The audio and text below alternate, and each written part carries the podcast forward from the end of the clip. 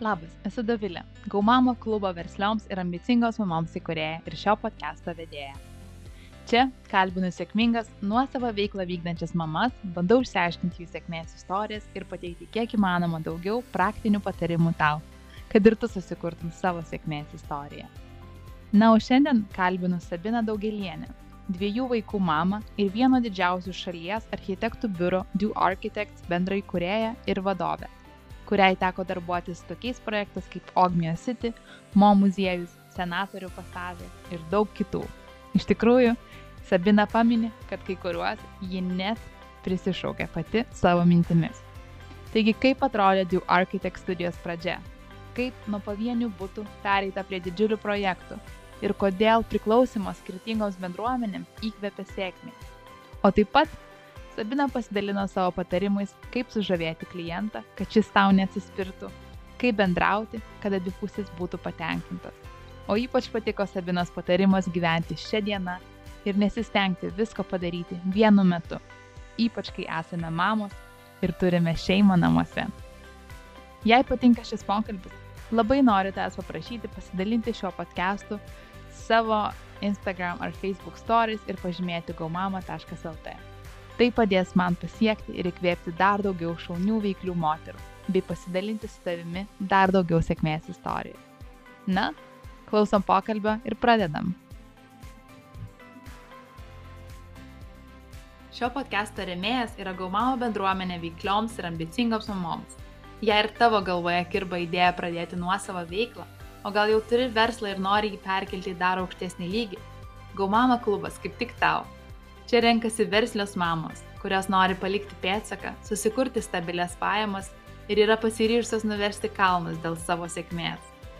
Tapusi gaumama nare, tu gausi prieigą prie praktinių kursų įvairiomis verslumo temomis, paruoštų geriausių savo srities ekspertų Lietuvoje. Nuo temų, kaip stiprinti savo asmeninį prekės ženklą, parduoti Instagrame, įforminti savo verslą, iki kaip susikurti brando strategiją, pradėti freelance karjerą, susitvarkyti finansus, vystyti elektroninę prekybą ir daug daugiau. Taip pat kiekvieną mėnesį čia rasi vis po naują kursą, galėsi dalyvauti klausimų atsakymų sesijose, narių mastermind sesijose, sudalyvauti karštoje kėdėje, gauti daugiau viešumo, o svarbiausia - būti apsupta vienintelės tokios Lietuvoje veiklių mamų bendruomenės, kuri yra ypač stipri, aktyvi ir palaikanti vieną kitą kad niekada nesijaustum vieniša ir nesuprasta šiame sunkiame verslo vystimo kelyje. Paskubėk prisijungti prie Gaumama bendruomenės jau dabar ir pasinaudok mūsų klubo privalumais. Daugiau informacijos rasi gaumama.lt puslapyje prie narystės. Labas, Sabina, labai smagu, kad prisijungi ir kad sutikai pasidalinti savo istoriją ir savo patirtimi e, su Gaumama klaus, podcast'o klausytojomis. Labas, Dovilė.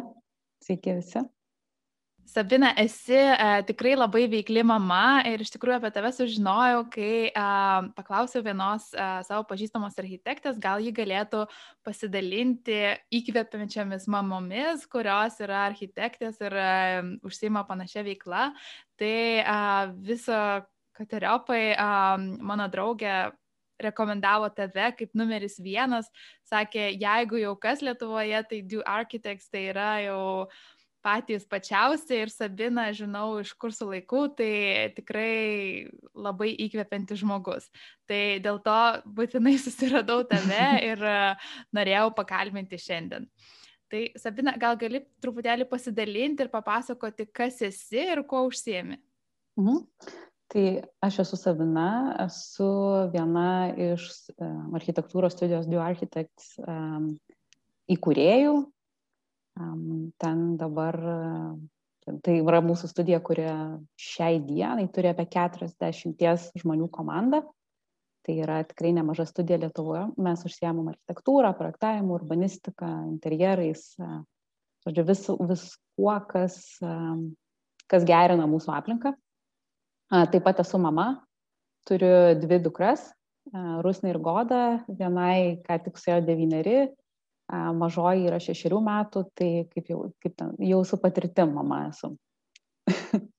tai va, o šalia viso to, tai nu, esu žmogus, kuriam patinka bendruomenėje būti, kuriam patinka su kitais žmonėmis dirbti, tokia kaip partnerystė, draugystė, tiek profesiniai, tiek asmeniniai veikloje man yra labai svarbi. Ir turbūt tie kažkokios tinkami, tinkami kolegos, tinkami sutikti žmonės man labai daug padėjo tiek asmeniškai, tiek, tiek profesiškai. Tai apie tai turbūt irgi galėsim pakalbėti. Būtinai pakalbėsim ir paliesim šitą temą. Tai gal gali papasakoti, kada gimė Du Architects ir kaip visą tai gimė ir iš kur prasidėjo ir kokie buvo tie pirmi žingsniai? Tai aš pradėjau studijuoti architektūrą iš karto po, po mokyklos, galvojau, ar tapyba, ar architektūra, ar fizika, nu tai žodžiu, galų gale architektūra buvo tas rytis, kuri man pasirodė įdomi ir daug ko viską, viską apimanti ir studijų metais daug dalyvaudavau visokiose veiklose, kurios atrodė tokios, nu, kaip nedarbo veiklos, ar ne? Tai visokios visuomeninės organizacijos, studentų klubai, studentų atstovybė, architektūros fondas. Ir kažkaip ten labai daug bendraudavai, tada bendraudavau su architektų bendruomenė, su kolegom, studentais ir vyresniais, jau praktikuojančiais architektais. Ir kartu um, susipažinau ir su savo būsimais kolegom, su kuriais mes ir įsteigėm šitą kompaniją. Tai turėjau šiek tiek ir, jau ir darbinės patirties ir tada viena mano kolegė Andrė Baldišiūtė paskambino, sakė, darom ką nors. Mes čia esame tokie keturiese, trysia ir dar norim ir tave pakviesti. Ir du architekts dabar yra, nu taip greitai suskaičiuojam, bus aštunti metai šią vasarą, bet kaip mintis dar turbūt metai iki, iki du architektų atsiradimo į tokią sklandę ir mes sėdėdavom vakarais ir savaitgaliais ir galvodavom, ką norėtume padaryti, kokios studijos norim, kodėl ją verta iš viso steigti, kodėl negalima naudoti kažko, kas jau yra, kodėl, kodėl negalim kažkur tiesiog kitose komandose dirbti. Tai um, du architekts kaip mintis atsirado um, kas vat, žino e, architektūros studijas, nu, tarkim, prieš, tas turiuomenį praktikuojančias studijas prieš dešimt metų, tai daugiausiai buvo vienos mens kompanija, kuri tiesiog e, tokia kaip meistro ir, ir žmonių, kurie dirba su meistru, ar ne, tokiu principu, tai mes du architektus norėjom sukurti tokią kaip studiją, kaip platformą talentingiams žmonėms. Tai yra kaip komandinis ofisas, komandinė studija, kur komandinis darbas yra vienas iš pagrindinių motyvų, kodėl mes apskritai esam kartu, kodėl dirbam ne po vieną. Ir norėjosi sukurti tokią studiją, kur tikrai galėtum pritraukti tuos, kurie yra talentingiausi, tuos, kurie yra jautriausi, tuos, kurie, kurie e, kritiškai stebi aplinką, analizuoja, galvoja, kuriem labai rūpi. Um, tai pagalvom, kad to tokiu savo pavyzdžiu tą turėtum ir daryti, tai kai mes įsisteigėm, tai du architektai susikūrė kaip ne nuo nulio. Mano kolegos ir aš turėjom darbinės patirties, vieni daugiau, kiti mažiau, bet kaip turėjom jau ir pradžią klientų, tai buvo toks tarsi testinė veikla, tai nebuvo toks visiškai iš naujo sukurtas ofisas, kaip sakyti, nuo nulio, ką tik baigusių studentų, ar ne, tai buvo jau gan stiprių architektų suburtas ofisas. Ir mes pradžioje pradėjome nuo galvoju, mes buvom turbūt šešiese ir per laiką užaugome. Tai turbūt prie tos prisidėjo irgi, mm, visų pirma, labai įdomus ir smagus konceptas, kad suburti žmonės ir kad truputėlį pakeisti tą, tą tokią aplinką, ar kaip yra įprasta, kad uh, darbuotis komandose kartu. Um, tai uh, mano klausimas būtų toksai, ar um, kaip ir suprantu, kad atsinešėte visi uh, savo jau turimų klientų ir patirties, tai kiek iki to laiko uh, tu pati turėjai patirties darbinės tokios? Mhm. Aš darbavausi iš karto po studijų pas Rolandą Paleką, tai labai puikų Lietuvos architektą ir tokį labai įkvepiantį žmogų, dėstytoją.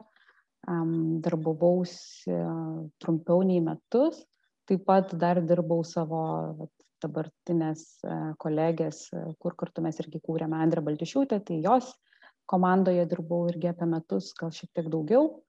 Ir e, turbūt tai buvo tokia pagrindinė, tokia architektūrinė patirtis. Šalia to aš labai daug turėjau tokios organizacinės patirties, tokios, kuri nebuvo tiksliai projektavimas, ar ne, bet tai buvo darbas su žmonėmis, darbas su architektūros bendruomenė, šiaip su bendruomenėm, ar ne, tiek studentų organizacijose, tiek architektūros fonde, organizavom pokalbių ciklus kaip alternatyvą edukaciją, tiek um, analizavom studijų programas. Tai buvo tie tokie turbūt surinkti mano, um, kaip sakyti, tokios patirtys arba įgūdžiai, kurie um, dar padarė ir tai, kad aš šalia tos architektūros dar stipriai nukrypau ir į įmonės vadovės poziciją, ar ne, ir darbas su žmonėm, darbas su klientais ir tas toks, nu, būtent vat, komandos palaikymas yra viena iš pagrindinių ir šiandien mano užduočių. Tai dar atsimenu, kad studijų metais kartais gaudavau kokią nors repliką, kad gal tu nesiblaškyk, gal tu ten eik labiau, gal ten pabraižyt kažkur, kodėl šita visuomeninė veikla, kodėl ten dar kažkas, bet aš suprantu, kad tas kad tai nebuvo blaškimasis, tai buvo daug skirtingų tokių patirčių susirinkimas ir galų gale ir pačių tų kontaktų. Tai čia toks vienas irgi iš tų dalykų, ką aš manau, kad, kuo, ką džiaugiuosi dariusi. Tai yra netiek stipriai gal koncentravusis nuo pat ant pirmo ar antro kurso į būtent tą profesinę patirtį, bet į tai, kas, nu, į kontaktus, į, į žmonės, į aplinką. Tada supranti, kuo gyvena bendruomenė, tada supranti, kas svarbu architektūroje apskritai, kaip, kaip veikiančiose pastatuose, kaip edukacijoje, kaip, kaip aplinkoje mieste, ne tiek, ne tiek į patį projektavimą ar, ar, ar patį, kaip ten, braižymą susikoncentravus, ar ne, tai tai man tikrai turbūt irgi nužymėjo mano kelią, kur dabar esu. Ir kaip ir pati sakai, kad um, tiesiog visas tas toksai, na, ką mes nevadinam blaškimasis, bet tiesiog buvimas skirtingose veiklose ir darant tai ir ieškant savęs ir kaupiant kontaktus ir tiesiog ieškant, na, būnant naudinga ir ieškant, kaip tu gali būti naudinga, tai viską tai susidėliojo ir tikrai ateityje jau, jau tau ir tampant vadovę įmonės ir visi šitie taškai susidėlioja ir paskui jie tikrai, kaip, kaip ir pati sakai, pasimato, kad visgi buvo prasmingas tas laikas ir tikrai e, nei viena patirtis nebuvo e, nereikalinga. Tai um, gal gali papasakoti apie tos tokius uh, sėkmingiausius projektus, ties kuriais teko darbuotis. Aš šiek tiek žiūrėjausi ir ruošiausi tai, kaip suprantu, ir tas pats mo muziejus yra, e, esi prisidėjus ir senatorių pasažas, tai um, gal gali pasidalinti įdomesniais, sėkmingesniais projektais. Nu, du architektas apskritai, man atrodo, kaip sėkmingas projektas čia toks vienas iš tų pirmųjų, kad ta pati mintis ir tas plėtojimas komandos ir, ir, ir pačių minčių, a, tai jis yra smagus ir jis toks yra nuolat vykstantis, vis laiko ongoing. Um, iš um, projektų gal aš išskirčiau mūsų kaip studijos, ar ne, nes tai gal sunku būtų išskirti nu, asmeninius projektus, mes tikrai taip labai komandiškai dirbam. Tai Ogmios miesto konversija. Um, tai buvo, čia yra tas vienas iš tų projektų, su kuriuo, kuris jau atėjo į du architekts ir uh, kolegos buvo pradėję jį daryti iš anksčiau. Um, tai yra projektas, kuriame daug diskusijų uh, vyko daug metų buvo diskutuota iki tol, kol pradėjo vykti iš tikrųjų pokyčiai, ar ne? Ir tai buvo toks tarsi, kai, kai viskas pradėjo įsigyvendintis, tai yra senos industrinės uh, teritorijos ir tokių, gal ne tiek industrinės, kiek tokios um, chaotiškai plėtotos teritorijos, įvairių garažiukų, kažkokių tais pastatų, sandėlių, tokia konversija į viešasias erdves, į komercinės patalpas, restoranus, vaikų žaidimų aikšteles ir panašiai. Um, tai buvo toks tarsi um, pailustravimas ir parodimas, kad iš tikrųjų architektūra ir viešos erdvės gali daryti stiprų poveikį. Ir kad kartais, kai galvoji, kad kažkas neveiks, nes žmonės nenorės eiti pėsti nuo parduotuvės iki parduotuvės, nes gal juos sulis, ar ne, tai čia klausimas yra, tada atsiranda, kokiam erdvėm tu eisi, galbūt tau vis tik patiks, ar ne. Um, tarsi buvo parodyta, kad daug ką galima daug ką galima sukurti keičiant žmonių įpročius, ar ne, ir projektuojant ne taip, kaip jie yra įpratę, o tiesiog projektuojant taip, kaip manai, kad, kad veiks, kaip manai, kad žmonėms bus patrauklu, kaip manai, kad pats norėtum gyventi, būti ir kokiose teritorijose leisti laisvalaikį. Tai čia tokia buvo kaip kaip sakiau, daug tokio kalbėjimo, iki kol tai galima buvo iš tikrųjų padaryti ar ne, ir pasimatė, kad vis tik veikia. Taip pat tai buvo toks parodymas, kad investicijų dydis nebūtinai lemia gerą architektūrą ir atvirkščiai. Jeigu investicijos nėra labai didelės, tai nereiškia, kad kad architektūra turi būti bloga ar ne, nes kartais iš tikrųjų profesiniam laukia yra, yra toks pasakymas, kad kažkas nepavyko, nes, nežinau, viešas projektas neužteko pinigų arba vystytas taupė neužteko pinigų ir dėl to blogai gavosi, ar ne. Tai, tai parodė, kad iš principo yra kažkokie um, bendrinės tokios taisyklės ir dėsniai, kurie padeda teritorijai veikti tai ta teritorija vis dar keičiasi, ten vis vienas po kito pastatai persitvarko, atsiranda vis nauja aikštelė kažkokia tais ar, ar, ar jauki gatvė, ar kažkokia tais polisio terasa.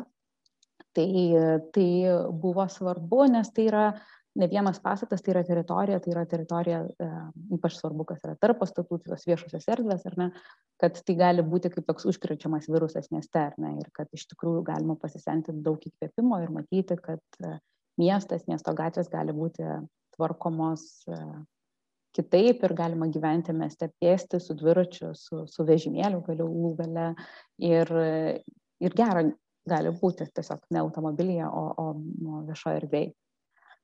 Jeigu dar kalbant, tai pats Mo muziejus irgi yra tikrai vienas iš tokių įspūdingesnių projektų. Tai buvo tokia didelė garbė dirbti su Daniel Libeskin komanda ir tai buvo, mes kaip, kaip jokaujam, kad tai buvo ten e, santoka tokia tėvų suvesta, ar ne, nes mes dalyvavom architektūriniam konkurse, um, kaip šalia nacionalinės dailės galerijos buvo planuojamas tas muziejus ir laimėjom antrą vietą ir kažkaip uh, kadangi ten konkursas buvo dviejų etapų ir antrame etape jau buvo aiškus, kurie pateko, tos komandos buvo aiškios, nebuvo anonimiškos ir visos komandos turėjo galimybę bendrauti su steigėjais. Danguolė ir Viktoru Budkais ir mes kažkaip visai susibendravom su jais ir vėliau, kai jie nusprendė vis tik kitoje teritorijoje statyti ir pakviesti Daniel Libeskin komandą pasiūlyti architektūrinę koncepciją, tai buvo pasaky, mums pasakyt, jiems pasakyta, kad jie turi čia vietinius architektus, jų architekts. Ir mums buvo pasakyta, kad Daniel architekts projektuos ir mes norim, kad jūs būtumėte vietiniai architektai čia. Tai ta pažintis iš pradžių buvo tokia, kaip sakyti, um, ir tokia kaip e, kuk, rami tokia ir, ir, ir tokia labai nuosaiki ir išaugo į tikrai labai gražią kolaboraciją ir didelį pasitikėjimą vienos komandos kitai. Tai tas buvo irgi labai tokia kaip didelis įkvėpimas, labiau, kad nuo pat steigimo mes vis ten, laikydavom kumščius, kad norime projektuoti muziejų. Tai, tai tas tarsi ir, ir, ir įvyko. Šiaip tų tokių atradimų yra daug ir tie projektai yra labai tokie skirtingi. Ir kai kuriais atvejais taip e, atrodo labai didelis projektas, bet e, kartai širdis guli tame kažkuriame mažame, ar ne? Um, dar turbūt paskutinį, va, pavyzdį pasakysiu, tai Raugyklos gatvė, kur dabar yra mūsų ofisas, um, Raugyklos 21, Tai yra tokio seno sandėliavimo paskirties pastato konversija į gyvenamuosius ir biurą mūsų pirmame aukšte. Tai tą pastatą jis toks, kaip ten sovietinės architektūros buvo toks ir labai apleistas su, su socialiais gyventojais viduje, ar ne? Mes šalia esančioje gatvelėje, Stepano gatvėje, buvome uh, pačiais pirmaisiais turbūt mūsų studijos gyvavimo metais ir vis eidavome ten obuolių į kiuką pro tą pastatą ir visi jį fotografuodam, žiūrėdam ir galvodam, kas čia galėtų būti. Um, lipę esam per tvorą, išsitraukę registrų centro išrašus, galvoja, ką čia galima būtų padaryti, nes kaip būtų faina jo nenugriauti, o kažkaip tokį um, palikti to, to charakterio gatvėje, tik tais įsivaizdavom, kaip jis galėtų būti nu, dar kitoks. Ir, ir atsimenu, kad jau kai persikeliam dar paskui Pilies gatvę, perkeliame studiją, tai po kurio laiko, po poros metų atėjo pas mus vienas vystytojas ir sakė, galvoju pirkti šitą sklypą su šitu pastatu. Kažin verta ar ne. Ir mes tada toks, nu, atrodė, prisišauktas, um, prisišauktas projektas ir sakėm tikrai verta ir kalbėjom jo nenugriauti, o tiesiog padaryti tokią konversiją, nes ta esama architektūra, jeigu jį yra mastelėje, jeigu jį yra atitinka lūkesčius, tokius kaip, kaip miesto tuo metinio, tai yra tas character for free, kad tu gali paimti tą seną charakterį ir duoti jam naujos gyvybės. Tai šitas irgi toks iš tų tokių artimų projektų turbūt būtų.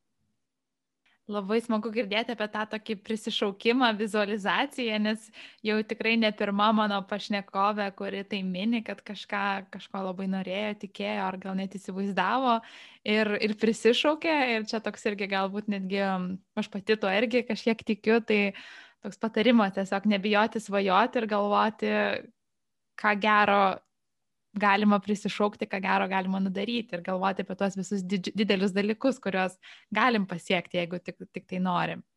Mhm. Kalbant apie tai, tai turbūt dar net ir tą garsiai sakyti ir siūlyti. Mes tikrai kartais susirandam kažkokią teritoriją ir jau galvojam, kas ten galėtų būti. Paieškai, kam tą galėtum pasiūlyti. Tas proaktyvus dalyvavimas mieste ir dalyvavimas nu, profesiniai tokioje platmei, tai tikrai padeda būti ir matomam ir galų galėtum svajonėmis įgyvendinti. Aš dar norėjau truputėlį paklausti apie tą komandinį darbą. Tai ar nebuvo, ar ir dabar nėra sunku, nes kartais mes, jeigu turim mažą studiją savo, pamažu jį plečiasi, bet tuomet pradedam galvoti, kad jeigu aš turėsiu daugiau žmonių, su kuriais darbuosius, tai gal pats e, nebegalėsiu daryti to darbo, kuris man yra mylimas. Tai nežinau, gal kitam patinka, na, tarkim, ar braižyti, ar pačiam daryti, aš gausiu toksai kaip vadovas. Tai ar teko su šituo susidurti ir kaip, kaip į tai žiūri? Yra šitas momentas, kad norint, nenorint, kuo didesnę komandą turi, čia ne tiek nu, vadovo pozicija, bet apskritai mes, mes uh, esam keturi partneriai, aš esu tas vadovaujantis partneris, kuris klientai žmonėmis ir bendrai projektų tokia visuma tarsi labiau rūpinasi, kiti trys partneriai turi savo asmeninius projektus, su kuriais dirba prie komandų. Ir tos komandos irgi turi savo tokius vidinius vadovus, senior architect, kurie prižiūri kitus architektus ir kartu tą komandą, tai tarsi kuo daugiau atsakomybių turi biure, nu, ofise, ar tai projekte, tuo mažiau atrodo, kad pats sėdi prie, prie linijų ir, ir ten pieštuko, pieštuko ir popieriaus, ar ne. Um, iš kitos pusės um, tikrai ta kūryba yra ir, ir tame, um, kaip jau pasakyti, tame darbe kartu. Ir turbūt smagiausia tai yra tie momentai, kur susėdi nemaža komanda prie stalo, traukia medžiagų pavyzdžius, analogus, stebi, kaip kiti miestai veikia, ieško kažkokių um, inspiracijų, ar ne, ir įvyksta tas toks ping-pong momentas, ar ne, kad aš metu idėją, tu metu idėją, mes pagaunam vienas kitą, mes įkvepiam vienas kitą ir tas taip, taip, taip, taip ir taip jauti, kad, kad ta tokia dinamika pokalbį auga, ar ne, ir užauga iki, iki kažkokio momento ir sakai, va, tada dar reikia su tą mintim permėgoti ir pažiūrėti, ar iš tikrųjų gera, bet, bet iš principo tai, tai yra man asmeniškai, nu, turbūt ten kūrybinių tų momentų yra labai skirtingų ir žmonių, kurie vienaip arba kitaip kuria, bet man asmeniškai tas toks um, aš tau, tu man ir mes kartu užauginam yra toks um, esminis momentas. Ir man tai labiausiai padeda kurti, labiausiai padeda pagalvoti, kažką surasti ir, aš visą laiką noriu pasitarti. Ir noriu pasitarti tarsi su tuo žmogum, kuris dar geriau e, galvoja, kuris dar daugiau patirties turi, arba kuris galvoja kitaip, nes tada tu gali išgirsti jo argumentus, gali pergalvoti, gali ramiai um, tiesiog nu, pakvepuoti, pagalvoti, kodėl jis galvoja kitaip ir, ir nu, tame atsiranda daug tokių gerų dalykų. Dar komandoje yra tas, kad tu gali pasakyti, mes kiekvienas turim savo tiek dienoj, savaitėj, metus, nežinau, tokius etapus, ar ne, kada esam aktyvesni, kada esam pasyvesni, kada a, mums reikia kažkokio postumio, kada mes patys esam pajėgus pastumti kažką, ar ne, tai komandai tas yra geras momentas, nes kažkas gali pastovėti tau už nugaros, kai reikia, kažkas, kažkas gali, kaip sakyti, paimti ir pastumti už du, jeigu tau to reikia. Ir, ir net tam tikra tokia, ne tai kad konkurencija, aš sakyčiau, bet ta tokia, mm, nu tas va toks įkvėpimas, jeigu kažkas kitas turi idėją, aš irgi, man irgi norom, nenorom, um, ta kažkokia kita idėja gimsta, ar ne, tai net su jaunais kolegom, kurie prisijungia prie, prie komandos, mes, na, aš dažnai tikrai kalbu, kad, kad drįskit dalintis, drįskit sakyti, drįskit klausti, nes yra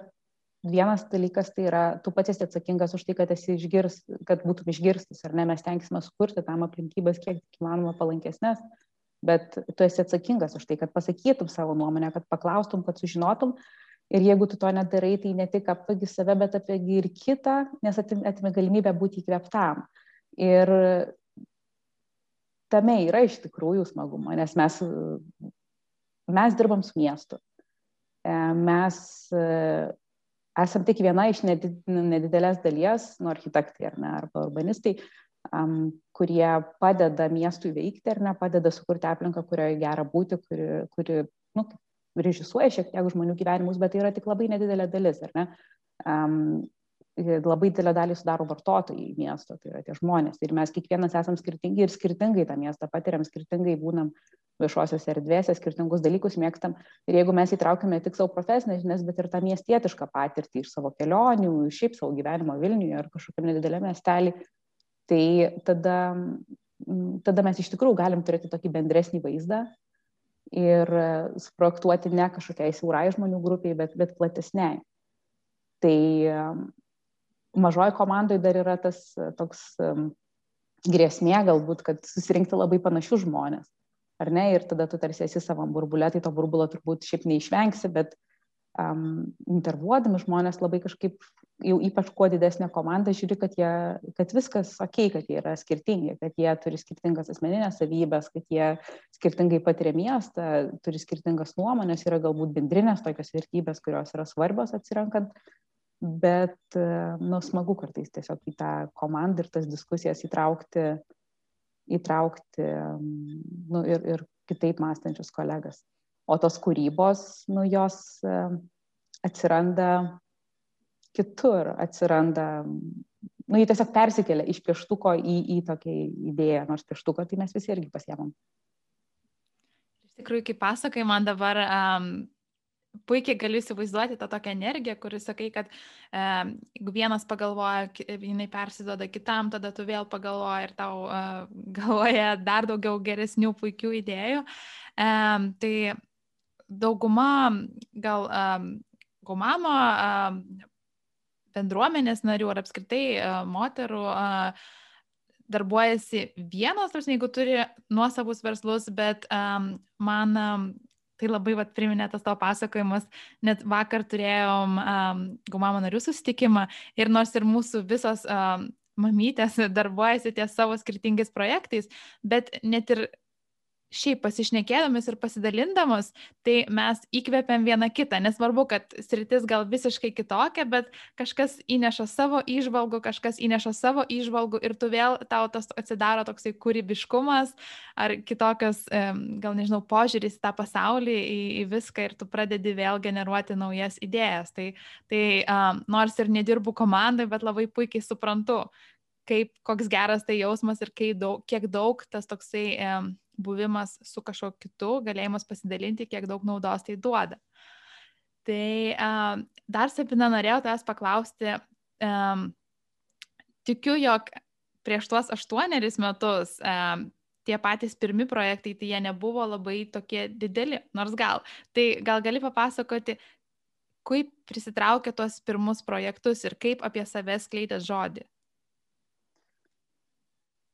Pabandykim prisiminti. Na, iki, iki tų didesnių projektų tai labai daug buvo, mes taip tarpusavį vadinam, įkėjinių būtų. tai yra, tų, nu, kur kiekvieną ten tą įkėjos kodą žinodavai mintinai ir pavadinimą baldo, dar tada iš Lenkijos veždavos, ar ne. Tai labai daug dirbom su privačiais klientais ir turėjom pavienius tos, kaip sakyt, verslo klientus, ar ne, su kuriais darbavomės, tai Jogmos miestas, dar keletas. Uh, dar keletas ir galvoju, kas buvo. Tai architektūroje yra architektūriniai konkursai. Tai yra turbūt tas vienas iš tokių būdų būti matomiems ir ne tik būti matomiems, bet ir matyti, lyginti savo mąstymą, savo išvalgą su kolegomis. architektūriniai konkursai, tai um, tiesiog, kad yra svarbi teritorija arba svarbus objektas, rengiami konkursai. Ir konkursai yra anoniminiai, gali dalyvauti įvairios komandos ir tu tiesiog tada konkuruoji idėjomis. Ne patirtimi, ne, nežinau, kažkuo tais, e, bet idėjomis. Ir e, mes tiesiog laimėjom keletą architektūrinių konkursų ir su tuo ateina daug, aišku, ir viešumo, Aš atsimenu, kai mes laimėjom vieną architektūrinį konkursą, tai buvo gal 14 ar 15 metai ir dar taip turėjom tokį puslapį ne visai pabaigtą, dar net nepaleistą. Tai kai sužinojom uh, iš vakaro, kad laimėjom konkursą, iš pradžių buvo neoficialus pranešimas ir žinom, kad rytoj paleis oficialų į Tai per vieną naktį paleidom tą internetinį puslapį, kad būtų tiesiog kur nueiti, kad matytų žmonės, kas tai yra iš viso per studiją, apie ką tai yra.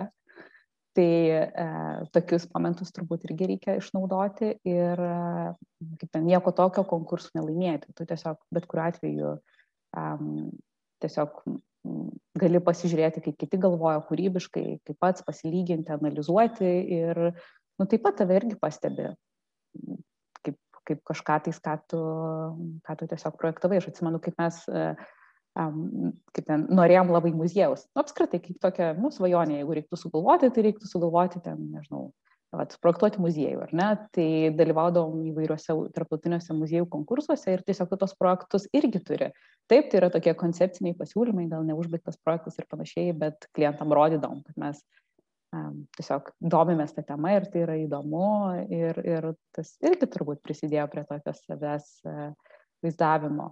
O šiaip absoliučiai didžioji dauguma um, klientų atėjo per rekomendacijas ir per tokį aktyvų bendravimą, klausimą, um, ėjimą kažkokius renginius, skaitimą paskaitų, um, tokiais taip pat tam pačiam architektūros fonde, kai tu kalbė apie miestą, kalbė apie tai uh, tokiom bendra, ten, bendramiestietiškom savokom, ar ne, ir pasakoji savo atradimus, tai nu tu irgi esi matomas tave išgirsta tavo mintys gal pasirodo įdomios ir nu tokiu būdu turbūt o paskui daug labai buvo iš lūpas į lūpų ir nu tiesiog profesionalumu tada jau tu užsitarnauji savo sakyt savo vardą nemažai darėme ir įvairių tokių probono projektų ir dabar labai daug darom jau tokių socialinių projektų kur ar tai kažkokia tais gelbėjimo stotį ar tai kažkokį vaikų darželį galbūt kažkokia šiaip idėja gatvėje ar aikštėje.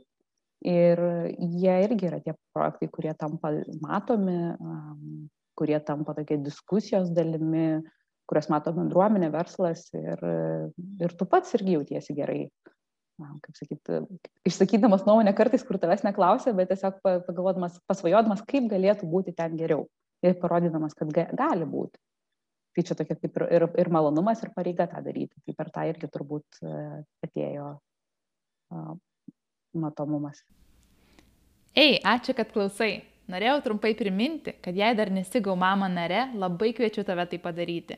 Čia tavęs laukia masterklasis įvairiomis verslumo temomis nuo A iki Z, naujas temos kiekvieną mėnesį, sesijos su ekspertais, narių susitikimai, tikslų išsikelimai ir planavimas, įkvepiantis pašnekesiai, narių nuolaidos ir daug daugiau. Taigi, grįžkime į pokalbį. Ar um, yra tekę investuoti į reklamas? Ar tiesiog jums uh, užtenka to viešumo, kurį gaunate per visus projektus, per visas uh, kitas veiklas? Tai ta reklama, ar nežinau, socialiniai tinklai? Turbūt gal ir yra anksčiau kel... šitas tas vadinamas toks postų būstinimas, ar ne? Tai um, socialiniuose tinkluose turbūt esame porą kartų tą darę, bet uh, tai buvo toks labiau eksperimentas negu taisyklė. Šiaip e, nedarom to ir net sakyčiau, kad, kad galėtume būti matomesni socialiniai erdvėjai, bet e, dabar turbūt yra tas etapas, kai mes daugiau per, per tokias e, jau įgyvenintus projektus ir per, per bendrą tokį įvaizdį komandos ir nesulaukime daug klientų, tai tarsi nejaučiam tokio poreikio tą daryti. Taip pat, kai jau pradedi būti matomas ir bendrauji ir, ir išsakai savo nuomonę, tai tikrai sulaukia ir žiniasklaidos dėmesio, pakomentuoti, ar tai projektą, ar tai kažkokį tais reiškinį visuomeninį mieste ir labai, nu, kaip noriai bendraujam kartais, iš tikrųjų galvoji, kad nu, nebūtinai gal į kiekvieną tą, tą klausimą turėtum atsakyti arba į kiekvieną užklausą atsiliepti, nes dienos tokios gan intensyvios ir, ir kartais supranti, kad tai galbūt nu, tikrai nėra ten tavo, tavo, ne tavo klientus turbūt pasieks tą informaciją,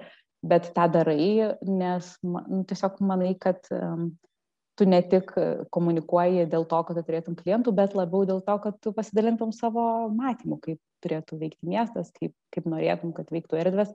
Tai tame yra ir tokios, ir kaip ir socialinės tokios misijos. Tai tikrai bendraujam su žiniasklaida, bet tai toks yra labiau ne, ne mūsų inicijuojami, ne mūsų inicijuojami kažkaip kontaktai, bet labiau tokios užklausos. Labai panašiai, aš šią savaitę kalbinau Austėją Landsbergenę, tai irgi labai panašiai jinai irgi sakė, kad kai paklausiu, kodėl viską tiek daro ir visur, tai sakė, dėl Lietuvos, gal dėl tos tokios vertės kūrimo, tai jaučiu, kad ir pas tave labai panašiai yra visi socialiniai projektai, visas pakomentavimas, tiesiog pasidalėjimas, kad gal kažkam kažką įkvėps, kažkam padės ir, ir bus naudinga. Uh, tai ar tavo sritis, ar architektūra, ar yra, manai, dabar konkurencinga terpė ir ar dar yra vietos naujiems žmonėms, naujoms studijoms? Visada yra vietos. Na, kad ir ką darytum. Ar, na, turbūt mane gal tėvai taip augino ir sakė, nu nesvarbu, ką, kuo tu būsi, jeigu tu būsi mm, vienas iš daugiausiai dirbančių, jeigu tu būsi vienas iš, gal nesakysiu, gabiausių, nes toks, man atrodo, pervertinamas. E, jeigu tau iš tikrųjų ten bus širdis ir tu natūraliai dėsi daug pastangų, tai tu būsi matomas ir tu rasi savo vietą. Tai aš nemanau, kad yra terpė, kurioje nėra vietos būti labai geru aš manau, kad e, visur yra. Tiesiog nu, turbūt reikia eiti ten, kur iš tikrųjų įdomu. Ir gal net taip, pat e, prieš dešimt metų turbūt būčiau kitaip sakius, bet dabar galvoju, kad um, drąsiai pabandyti, tiesiog bandyti, tada keisti, bandyti, tada keisti, bandyti, tada keisti, nes um, žmonės kažkaip yra, nu, tarsi įpratę, kuo anksčiau pradėsi, tuo daugiau va čia per penkis metus susirinksi ir jau pasieksi. Tai tam trump, trumpoj tokioje perspektyvoje tai taip, tarsi tu kažkokius tais um, savo patirties, nu, ten bagažą ar tai kažkokius tokius um, net nežinau kaip čia pasakyti, nu, kažkokius tais vaisius gali tarsi, arba kažkokį tais rezultatą apčiuopiamą gauti anksčiau pradėjęs, ar ne, ir ėjęs tik į vieną sritį, arba ten labai tikslingai kažkur tai specializuodamasis, ar ne, bet jeigu žiūrėti, kad tokias e, pasaulį keičiančias problemas, arba kažką tais tokio naujo išvelgti ir tokio nematyto, gali tada, kada iš tikrųjų daug esi visko bandęs. Ir kada tavo interesų sritis yra kuo platesnė tai taip galbūt po penkių metų neturėsi ten labai konkretaus bagažo ir gal nežinosi, nežinau, čia dabar kaip pavyzdį pasakyti, um, kokiu nors um, labai siauros kažkokios ryties, ar net ten virtuvės technologijos, nu, ten architektūroje, arba ten kažkokių tai tipinių dalykų, bet galbūt tavo tas matymas bus toks platesnis ir tu turėsi tokį daugiau skirtingų sričių patirties ir kompleksiškiau galėsi tiesiog rinkoje būti kompleksiškesnis ir, ir tokias didesnės problemas spręsti, didesnius iššūkius įveikti. Man atrodo, kad tai yra svarbu, tai yra ilgesnėje perspektyvoje labiau veikia negu, negu trumpai. Todėl trumpoje. viską turim bandyti, jeigu tik norim, jeigu tik tai kyla idėja ir pasisveriam ir manom, kad iš to galėtų kažkas būti, tai kodėlgi nepabandžius ir vis tiek bet koks tas darimas bus naudingas, kaip, kaip sakai. Uh, Mm. Ir nesakyti, kad jau tris metus darau, tai dabar jeigu mesiu, tai jau čia bus mano prarasti trys metai. Ne, nu tai per tris metus tu prisirinkai tam tikrą bagažą, dabar gal laikas pasukti kitur. Jis niekur nedingsta. Šalia. Labai tikslingai. O jeigu žiūrint į mm, pradedančius ar architektus, tai ar yra dar kažkokia um, tikslinė gal sritis, gal kažkokia specializacija, į ką dabar reikėtų atkreipti dėmesį daugiau negu gal anksčiau, į ką reikėtų investuoti? Visada sakyčiau, kad reikia investuoti į knygas, į, į tokias ir į santykius, tai yra tokie pagrindiniai dalykai.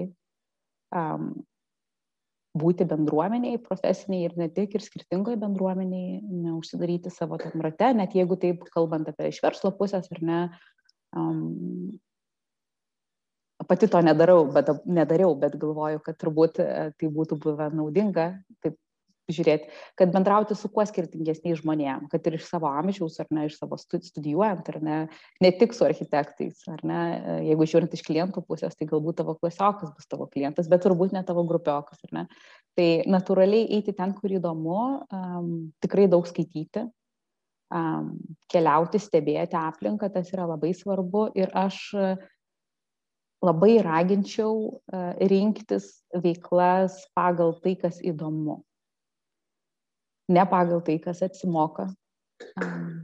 Kaip studijuojant ar ne, tai yra tik, jeigu tik tais gali rinktis, tai rinktis kuo daugiau tokių tarpdisciplininių dalykų, eiti į praktiką, atlikti į studijas, kur, kur įdomu, nepabijoti, pabandyti, negalvoti, kad man čia nepavyks.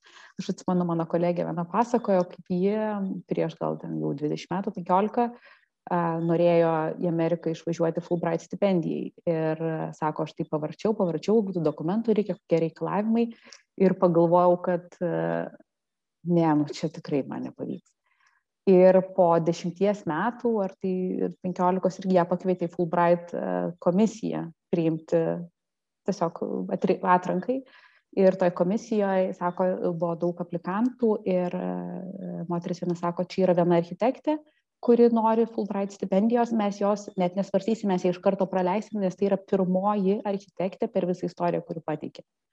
Ir sako, aš sėdžiu ir galvoju apie save prieš tos 15 metų, kai aš tiesiog neišdrįsau pabandyti.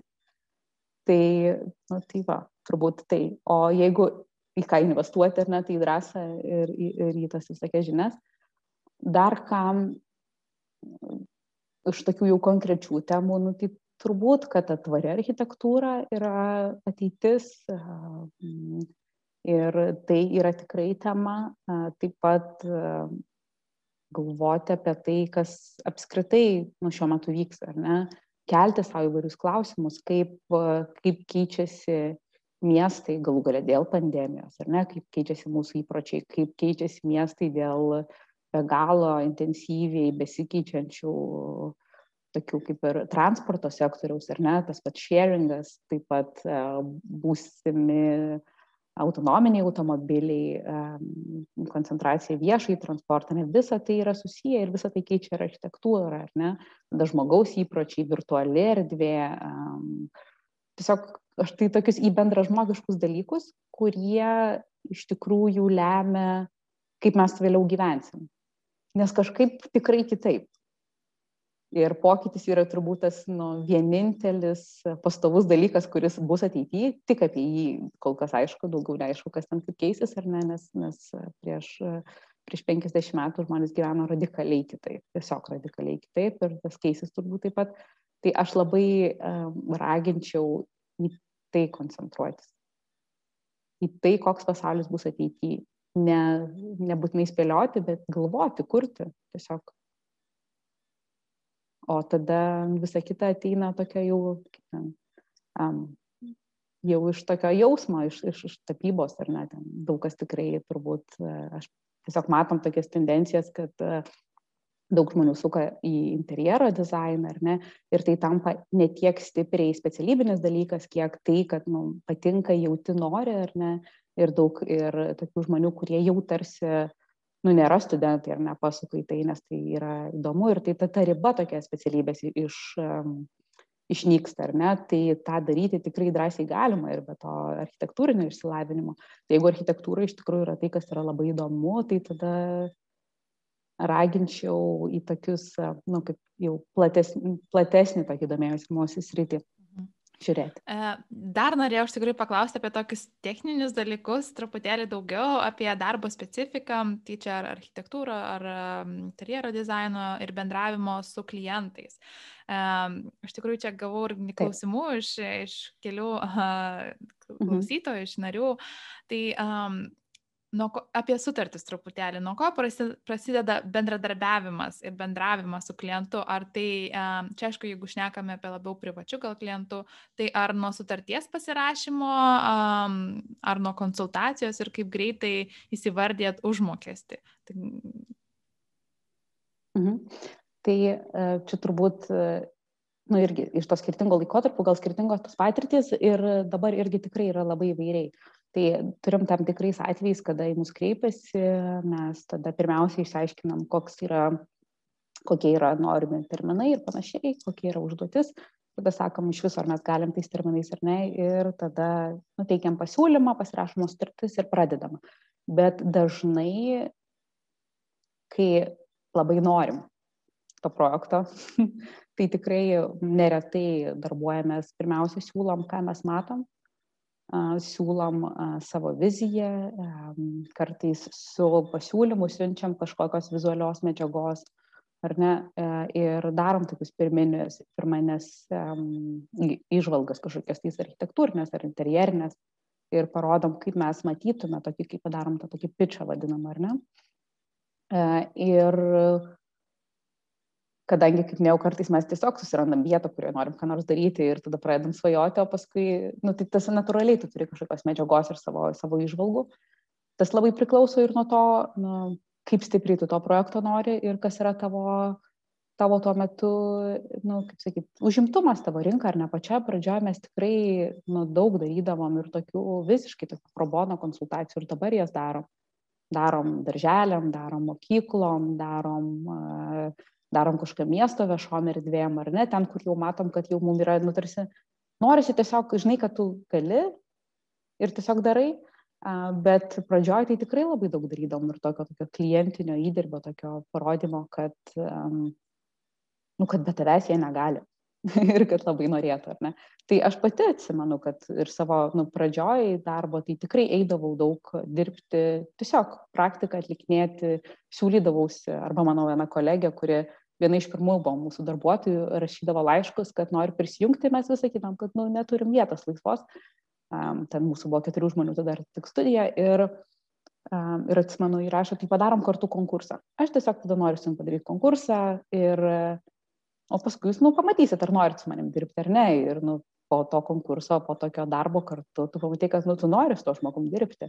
Ir tu paieškosi projekto, kad jį galėtum priimti į komandą, nes tu tiesiog nori kartu dirbti ir tas, yra, nu, tas įkvepia labai. Tai aš, kaip sakyti, tikrai rinkoje yra labai įvairiai, bet be abejo projektą gauti turi tarsi ir didesnį tikimybę tas, kuris truputėlį, nu, ekstra dar kažką padarys viršys truputėlį lūkesčius arba pradžioje kažkaip su, suerzins tą gerąją prasme ir sunorins, užnor, nu, tas va, sunorins geras žodis, sunorins klientą dirbti. Tai, um, to tokiu sužavėti, jau tą viziją duoti jam pajusti ir gal, gal tada net ir tas, mhm. aš pati šiaip įsivaizduoju, jeigu man tikrai gaučiau pasiūlymą ir man būtų, nu, labai viskas ir taip aišku ir gražu ir artima, tai gal man ir ta kaina būtų, jeigu ir truputėlį didesnė, nebūtų jau tiek svarbi, nes aš matyčiau, kiek, kad su šituo žmogu man ir malonu yra dirbti ir, ir mano svajonės gal bus įgyvendintos. Tai. Ir dar pridėsiu, kad kai kuriais atvejais tą netgi naudinga daryti, ypač jeigu tu, tarkim, tarsi ir norėtum dirbti su, su šitu būtent projektu, bet nesitikras, ar tavo ir kliento matymas, vertybės yra panašios. Tai kartais tikrai pradžioje sakyti, kad aš matau taip, ar jūs irgi panašiai mato. Tas, e, tas padeda išvengti tokio, kad, nu, aš moku pinigus daryti, kaip aš sakau, nu, tokių situacijų, ar ne, jų pasitaikai, nu, aš manau, kad ypač dirbant su privačiais klientais, mes su privačiais klientais dabar dirbam kiek mažiau, bet būna tokių situacijų ir kai um, tu turi klientinius santykius, tai tu turi, nu, tu iš principo, pri, tave priema žmogus į komandą ir tu priemi žmogų į komandą, ar ne? Ir tai yra tokia bendrystė ir tame turi būti sutarimo, tame turi būti, gali būti tikrai diskusijų, tokių meritokratinių, kur laimėdėja, o ne kažkokia hierarchija, ne? bet um, padeda tokio išvengti nesusikalbėjimo, ar ne? Tai kai kuriais atvejais tas yra ir toks taktinis mhm. momentas. Ir čia iš tikrųjų kitas klausimas, aš kurį turėjau a, labai temą, tai kiek galim būti lankstus su klientais ir kur ta tokia riba ir kaip apsidrausti, kad klientas nesijaustų, jog a, gali lipti mama galvos, kad ta prasme, ar tai visą laiką skambinti, teirautis. Mhm. Pradžioj tą ribą brėžti yra sunkiau, Ir e, vien dėl to, kad tu tiesiog, nu, gal turi tos mažiau patirties, mažiau kas yra užlipęs ir tu nežinai, kada jau ta riba.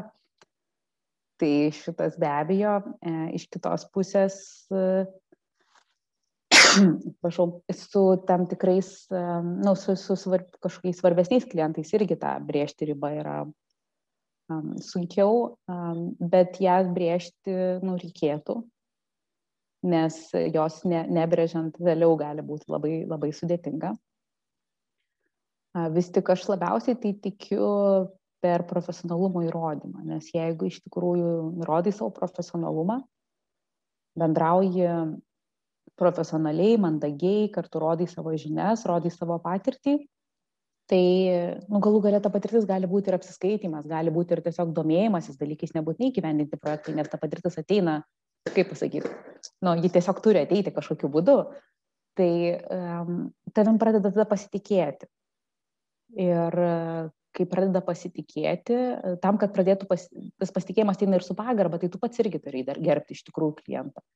Ir mes kaip bendruomenė, nors nu, turime ne architektai, interjeristai, mes esam, nu, mes atsakingi esam už visuomenės, um, kaip sakyti, švietimą šitais klausimais.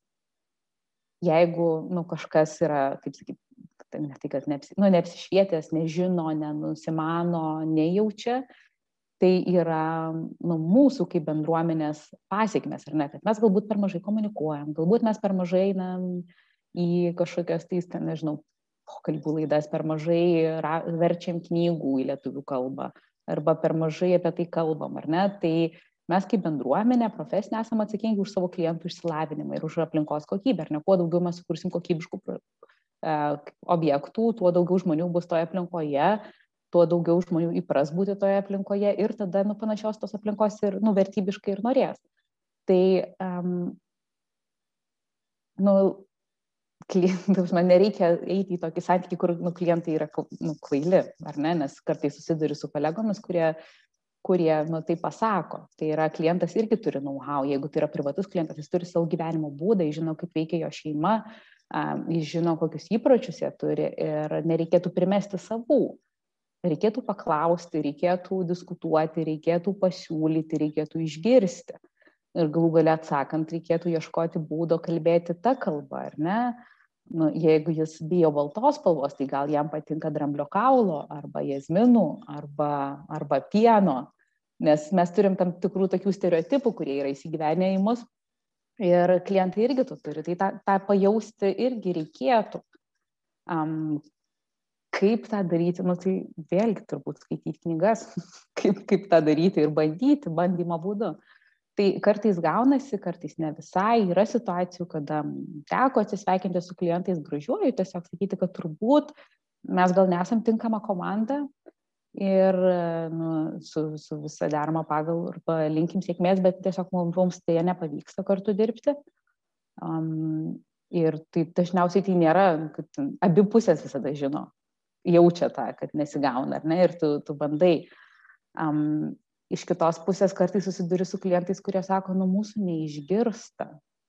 Mes sakom, bet mūsų nesupranta ir, ir mes nesuprantam. Nu, tai tiesiog, nu čia taip, tokie santykiai yra, reikia kalbėtis, reikia ieškoti, o ribą brėžti irgi reikia. Tai mes labai kažkaip raginam uh, ir savo komandos narius, kurie jau daugiau dirba su klientais patys savarankiškai, ar ne, kad uh, nu jeigu tu pirmą susitikimą susitari šeštą valandą vakare, tu greičiausiai ir antrą susitikimą turėsi šeštą valandą vakare ir tau išeiti iš tų susitikimų, nu, bus sudėtinga, arba jeigu tu susitari susitikimą šeštadienį ir tu sutinki šeštadienį dirbti, nu, tai tu jau sukuri precedentą.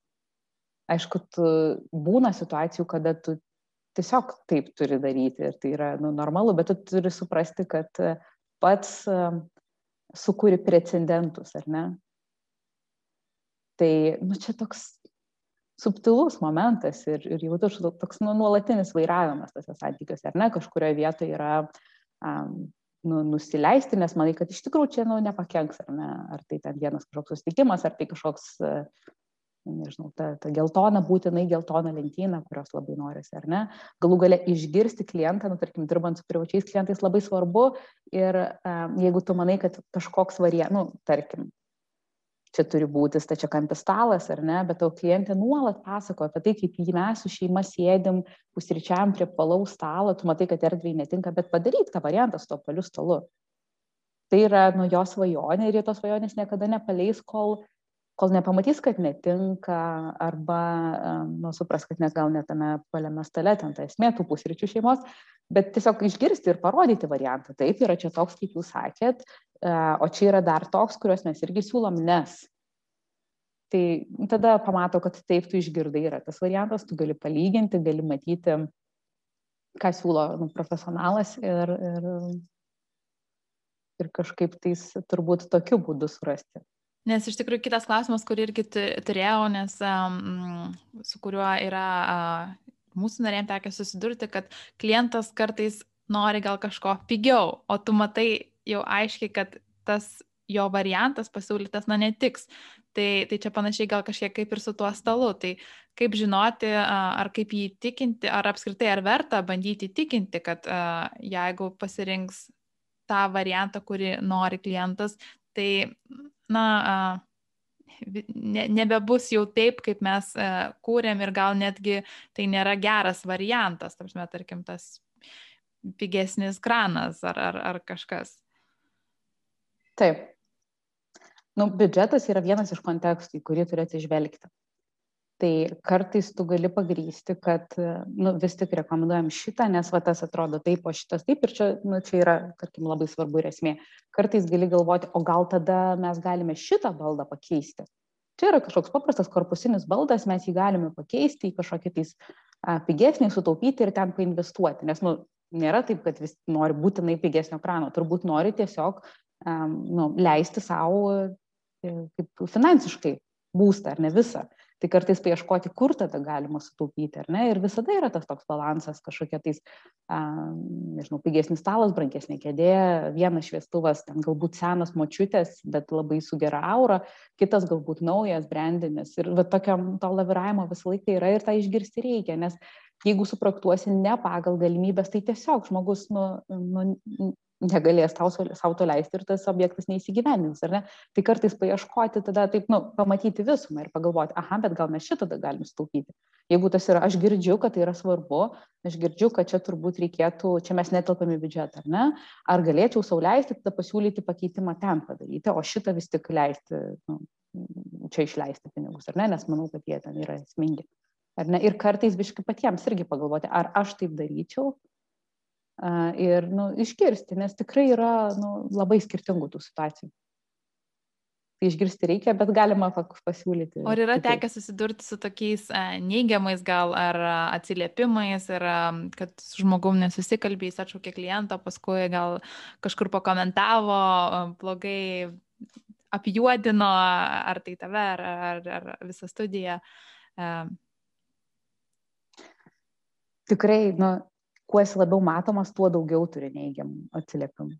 Ir vis, ypač dažniausiai iš tų žmonių, kurie nėra su tavim dirbę. E, ir tą pirmuosius kartus, nu tai ir ašarų būna, ir sunku būna, ir neužmėgi savaitę, jeigu ten iš tikrųjų didelė kažkokia drama ir neįvyksta. Bet jeigu tu pats esi um, ramus, kad tu viską gerai darai, kad tu viską darai etiškai, kad tu viską darai sąžininkai, tai tada, tada praeina tai. Iš kitos pusės, jeigu tu iš tikrųjų ten kažkaip nemandagiai pasielgiai ar ten pratrukai, tai visada galima tiesiog atsiprašyti. Mes ir su žmonėms stengiamės atsisveikinti, nes būna tokių situacijų, kai komanda yra didelė ar ne, kuo etiškiau, kuo mm, žmogiškiau, kuo taip, kad tu tas santykis galėtų plėtotis toliau kolegiškas, ar ne, ir rekomenduoji tas kolegas kitiems klientams, su kuriais negali dirbti.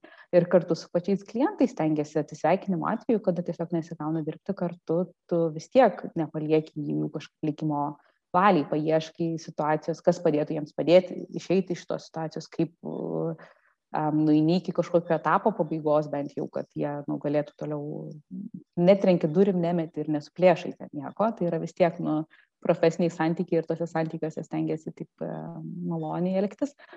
Iš kitos pusės tu tiesiog kartais supranti, kad, nu, man labai labai patinka tas pasakymas, kad reikia kartais sutarti, nesutarti. Tiesiog mes turime savo nuomonę, aš turiu savo nuomonę, jūs turite savo nuomonę ir tiesiog šitoje vietoje turbūt mūsų nuomonės yra per skirtingos, kad mes galėtume kartu dirbti Ir tam, kad abiems būtų geriau, tam, kad, tam, kad projektui būtų geriau, turbūt reikia nu, ieškoti kažkokių kitokių išeičių. Tai, bet per tą, nu, kaip sakyti, tą odą užsiauginti reikia, ją, kaip ten, auginant ir brūžinant, tai, nu, yra, yra ir, ir tikrai būna. Tai vėlgi, komandinis darbas tam padeda kažkas turi dramą, kažkas jos neturi, vienas kitą palaikai ir tada, tada irgi. Tai, ačiū labai, Sabina, tau už šitas išvalgas. Dar norėjau, kadangi minėjai, kad esi dviejų vaikų mama, tai norėjau truputėlį paklausti, kaip viską suderini. Ir jeigu suskaičiavau teisingai, tai tu minėjai, kad ir Du Architects e, steigėt, kai e, dukrai buvo tik tai metukai, e, panašaus amžiaus. Tai mhm. kaip viską bandai, nežinau, kad derinti kaip ir sunku, bet kaip bandai viską derinti, kokiais iššūkiais susiduri ir kaip sprendi? Kaip sprendžiu? Nu, nėra kažkokios paslapties ar kažkokio recepto. Nu, tu dviejose vietose vienu metu negali būti. Tai tiesiog e, kažkurio metu dirbi, kažkurio metu būni namie, ar tai būni su vaikais, kažkurio metu dirbi, bet galvoji apie vaikus, kažkurio metu būni su vaikais, bet galvoji apie darbą ir nu, tiesiog po vieną dieną derini. Kažkaip viena diena labiau šeimos, viena diena labiau darbo ir žiūri, mes kartais su kolegom juokaujam, kad e, tas žongliravimas tarp skirtingų projektų arba tarp nu, namų ir darbo ir tarp daug skirtingų temų yra kaip tas cirko toks numeris, kur stovi tokias lasdos ir ant jų sukasi lėkštės tai tu visų vienu metu sukti negali, bet tu žiūri, kuri griūna ir tą pasakį vėl, pasakį vėl, pasakį. Visos svarbu, kad niekas neduštų. Tai, nu, tokie tiesiog būdų po vieną dieną, po vieną savaitę. Labai, labai geras palyginimas, iš tikrųjų, net patia jokinga pasidarė, bet puikiai suprantu, ką turite omeny. Um, tai, um, ar spėjai laiko skirti savo? Mm, man atrodo, kartais tas laikas savo yra turi tokį keistą stereotipą, kad e, laikas savo tai yra, kada, nežinau, eini į masažą ar lakuojas nagus, arba, nežinau, ten kažką tais darai. Um, kartais labai tokioje kūrybinėje diskusijoje tu jauti, kad tu tiek daug savo laiko skiri, nes tu ūkteli. Kartais nužaisdavo su vaikais jauti, kad labai daug savo laiko skiri. Tai um, kartais prieš miegą pagalvojant ar skaitant knygą, nu, tai čia toks, visi turim vienodą laiko kiekį ir pats kaip asmenybė pats kaip žmogus ir kaip tavo nu, emocinė sveikata irgi yra viena iš tų lėkščių. Ir tu turi pastebėti irgi, kad ji nenugriūtų, nes jeigu ji nugrius, tai viskas grius. Tai ją irgi reikia vis kars nuo karto pasukti. Tai čia, nu, kaip sakyti, kai labai reikia, tai randi viskam laiko. Tiesiog pastebėti reikia. Pabaigai aš turiu keletą tokių uh, trumpesnių klausimų, linksmesnių. Um, tai mhm. knyga, kurią dabar skaitai, ar gal nori perskaityti? skaitau kokias keturias knygas šiuo metu, o dabar ant stalo šiandien ryte, kai geriau kavą, tai skaičiau uh, žmogaus ribos. Kodėl universalai triumfuoja specializuotame pasaulyje? Uh, tai čia apie blaškimasi ir kodėl tai yra gerai. Super. E, rekomenduoji šitą knygą ar? Man buvo, man įdomu, aš esu ją daugiau nei pusėjus, man įdomu, gal reikėtų originalo kalbą skaityti, nes aš kalbu, skaitau lietuviškai, nes taip vertimas gal toks, bet uh, nu, man įdomu, keičia šiaip ir profesiškai nuomonę, ir kaip mamai leidė vaikam blaškytis ir nesusikoncentruoti smūjų ties keturiais metais. Mėgstamiausia vieta namuose? Mm, terasa. Laukia. Laukia vasaros. Mhm. ir um, vieta, į kurią nekantrauji sugrįžti? Nu, dabar tai ofisas. nes dirbam iš namų. Tai labai, o, o jeigu šalis ar, ar kažkokia kita vieta? Jeigu šalis arba kažkokia kita vieta, a, aš turiu tokį nu, silpnybę lietuviškiams ežerams. Smėlio krantui, ežeras, plauki, matai daug eglių, medžių, tokių, nu, nu, tai turbūt būtų vandens telkinys kažkoks, kuriame gali ramiai ramiai plaukti. Neseniai buvau prie Ispaniškos jūros, bangos ir visa kita yra labai gražu ir fantastika, bet aš tai pasilgstu to tokio tylu, ramu, nieko negirdi, gal tik paukščius ir plauki ir tik tais galva virš vandens. Tai va turbūt į tą vandenį norėtųsi sugrįžti. skamba labai gražiai ir aš jau prieš akis matau tą vasarą, tą tokį e, ramų, šiltą vakarą ar, ar, ar rytą. Um, tai Sabina, labai ačiū tau už šitą pokalbį. Um, ar turi dar kažkokį patarimą, kurį norėtum duoti kitoms mamoms? Mano turbūt šių metų, šių metų patarimas tai yra um, tas po vieną dieną. Man pačiai labai padeda, kad po vieną dieną ir ją maksimaliai gerai nugyventi taip, kaip gali. Ar tai būtų su vaikais, ar tai būtų darbe, ar tai būtų, nežinau, net sergant lovai. Nu, tiesiog šiandien aš esu tokia ir vat, aš ją nugyvenu a, taip, kaip galiu geriausiai. Ir ne, tai galbūt penkios minutės pažiūrėti pro langą, galbūt knygos, ten kelis puslapius perskaityti, galbūt, nežinau, tiesiog kavą išgerti iš naujo podelio, bet tiesiog susirinkti po tokį mažą, mažą trupinuką. Ir tas padeda per sunkus laikotarpius pereiti nu, tarkim, darbe kažkokius sudėtingus klientus, tiek per pandemiją pereiti, kur tikrai visiems reikia kantrybės. Tai negalvoti apie tai, kad iki vasaros liko labai daug dienų, bet galvoti, kad bet po vieną dieną, šiandien jau praėjo, dar viena bus ir ji bus puikiai. Mhm. Žingsnis po žingsnio, labai gražu. Ir um, ačiū tau ir ačiū visoms, ačiū, kurios klausėsi. Ačiū tau, kad klausėsi. Naujas įrašas išeina kiekvieną savaitę, tad nepamiršk prenumeruoti Gomamo podcast'o savo mėgiamuose podcast'o platformose. O jei nori sužinoti daugiau apie Gomamo bendruomenę ir kaip ji gali padėti tau susikurti nepaprastai sėkmingą veiklą, kviečiu apsilankyti gaumamo.lt puslapyje, kur rasi daugiau informacijos ir galėsi tapti mūsų augančios bendruomenės, jungiančios pačias motivuočiausias mamas nare. Čia tavęs laukia masterklasis įvairiomis verslumo temomis nuo A iki Z, naujos temos kiekvieną mėnesį, sesijos ekspertais, narių susitikimai, tikslų išsikelimai ir planavimas, įkvepiantis pašnekesiai, narių nuolaidos ir daug daugiau.